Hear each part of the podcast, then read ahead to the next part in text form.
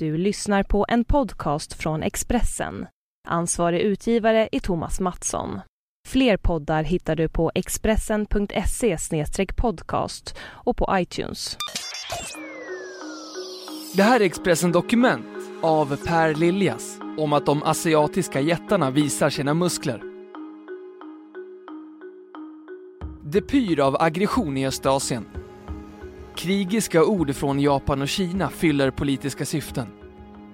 Men vad händer om någon av de gesterna slår an en gnista? Fler statsledare än en har jämfört situationen med upptakten till världskrigen.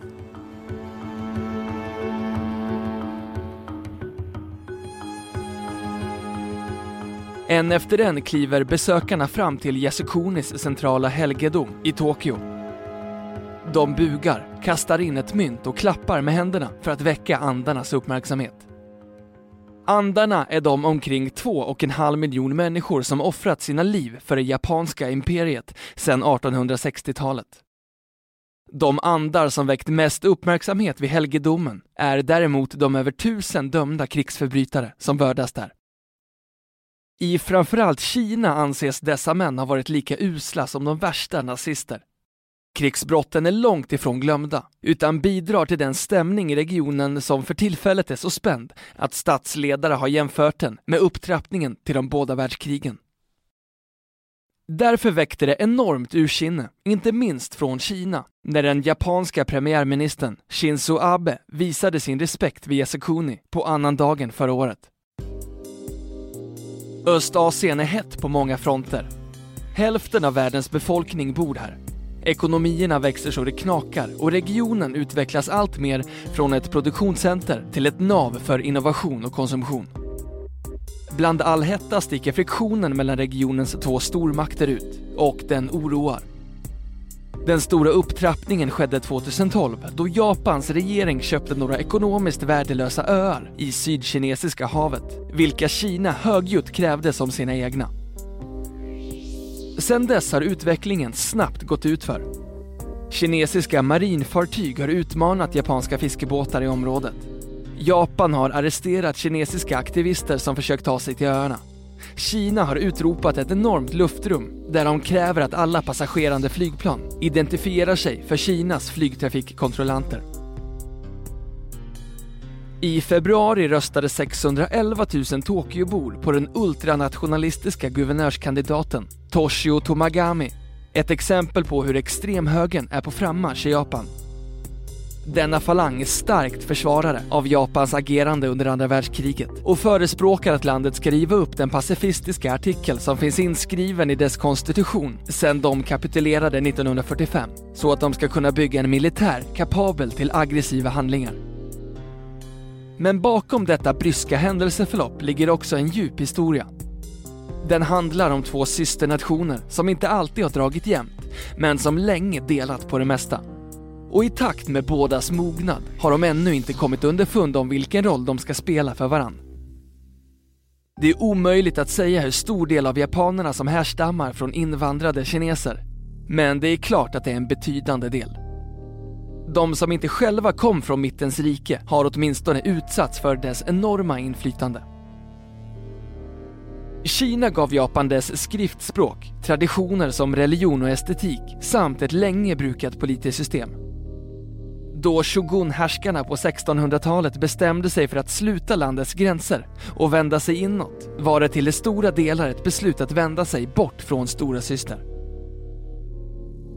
Då kejsaren i mitten på 1800-talet övertog makten från shogunen och återöppnade gränserna var det med en känsla av överhöghet som man skådade ut över världen. 1894 bröt det första kinesisk-japanska kriget ut och det blev en kort affär där Japan fick makt över Korea och Taiwan. Det andra, nästan 40 år senare, ledde fram till andra världskriget. Toru Makita, en 33-årig ingenjör som för tillfället bor i USA, går runt bland krigsrelikerna i museet intill Yasakuni.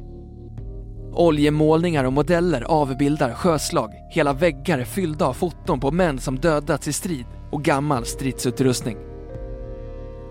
Stoltheten över japansk uppfinningsrikedom är tydlig, Samtidigt omskrivs grymheter om massakern av 300 000 kineser i Nanjing som incidenter. Oron för krig är påtaglig i Japan. Förkrigstiden var deras och efterkrigstiden också, då deras allians med USA gjorde att de kunde växa till en ekonomisk stormakt. Men nu är det återigen stora syster som spänner sina muskler i Asien. Kina hävdar inte bara sin rätt till öarna, utan även över en väldig del av både öst och sydkinesiska havet, där vissa delar antas inkludera omfattande oljetillgångar. På bara ett par årtionden har de passerat Japan som världens näst största ekonomi och Kinas flotta tar en allt mer imponerande form med sjösättningen av dess första hangarfartyg, Liaoning, förra året. David Gordon, forskningschef på analysfirman Eurasia Group, som specialiserar sig på att utvärdera globala politiska händelser, säger däremot att den faktiska risken för krig är minimal. Spänningen är verklig och det är klart att nationalism kan vara ett riskabelt kort att spela. Men konflikten tjänar framförallt bägge de nya ledarna i Kina och Japan.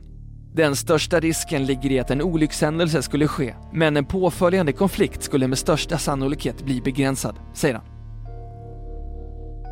Gordon menar att det ligger något i de ytliga anledningarna till konflikten. Kina anser att deras ökade styrka borde avspeglas i en ökad territoriell makt och Japan vill visa att de kan stå upp mot Peking. Men där bakom lurar framförallt ett inrikespolitiskt spel.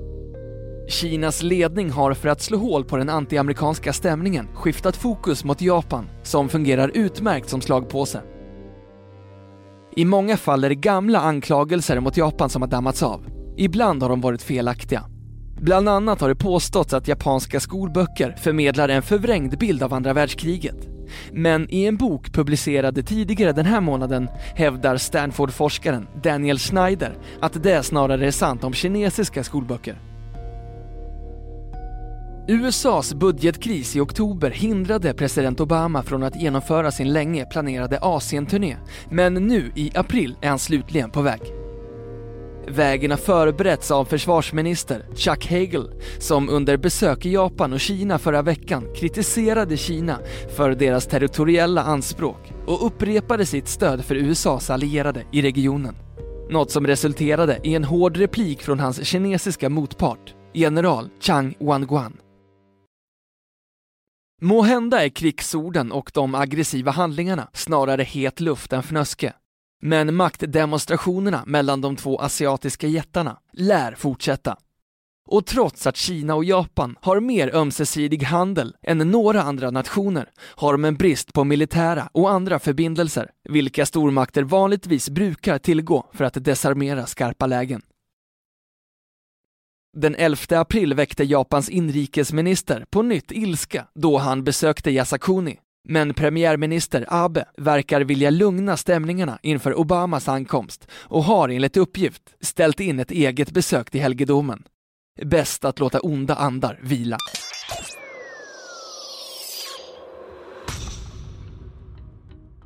Du har lyssnat på en podcast från Expressen. Ansvarig utgivare är Thomas Mattsson. Fler poddar finns på Expressen.se och på iTunes.